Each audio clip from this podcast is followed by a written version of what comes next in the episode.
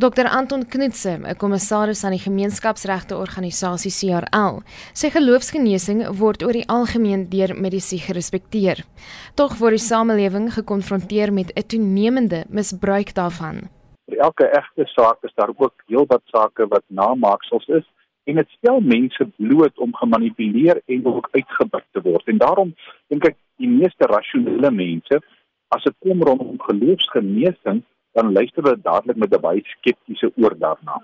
Volgens hom word tradisionele geneesers in veral Afrika dikwels gekoppel met die voorvaders wat 'n impak mag hê op pasiënte se behoefte aan bykomende mediese hulp. Op die westerse manier dit ons baie meer rasioneel gekyk word na bloedtoetse, daar word gekyk na uh, ander bepaalde of erkende metodes van diagnostisering en uh, daar's nie so iets wat in die geestelike helm noodwendig hoef te gebeur om by 'n behoorlike diagnose uit te kom nie. En dit maak dat hierdie passiwiteit maak. Die persoon wat daarin gaan uh, hy gaan stel hom letterlik aan die voete van hierdie ander persoon. En veral ook as hy dink my kan groter genesing kry by die alternatief dan kan jy verstaan waarom hy nie so uh, getrou sal wees aan sy hospitaalbesoek ensovoorts nie In Suid-Afrika is daar kerke wat hulle self begin voordoen as instansies van genesing. Knutse sê dit word beskou as 'n probleem.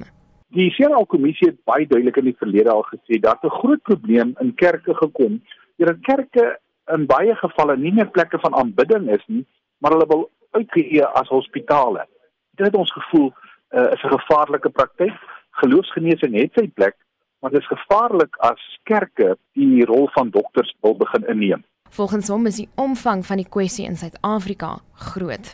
Ons het al meer gekonfronteer ook van die CRA kommissie se kant af met mense wat vir pasiënte sou aanraai om nie hulle medikasie te gebruik nie, maar om eerder die water wat hulle geseën het wat bepaalde magiese kragte nou sal bevat in die plek daarvan te gebruik. Die probleem is dat daarmee verder saamgaan is mense wat dan sterf as gevolg daarvan omdat hulle doodgewoon nie hulle medikasie gebruik nie en niemand word aanspreeklik gehou daarvoor nie.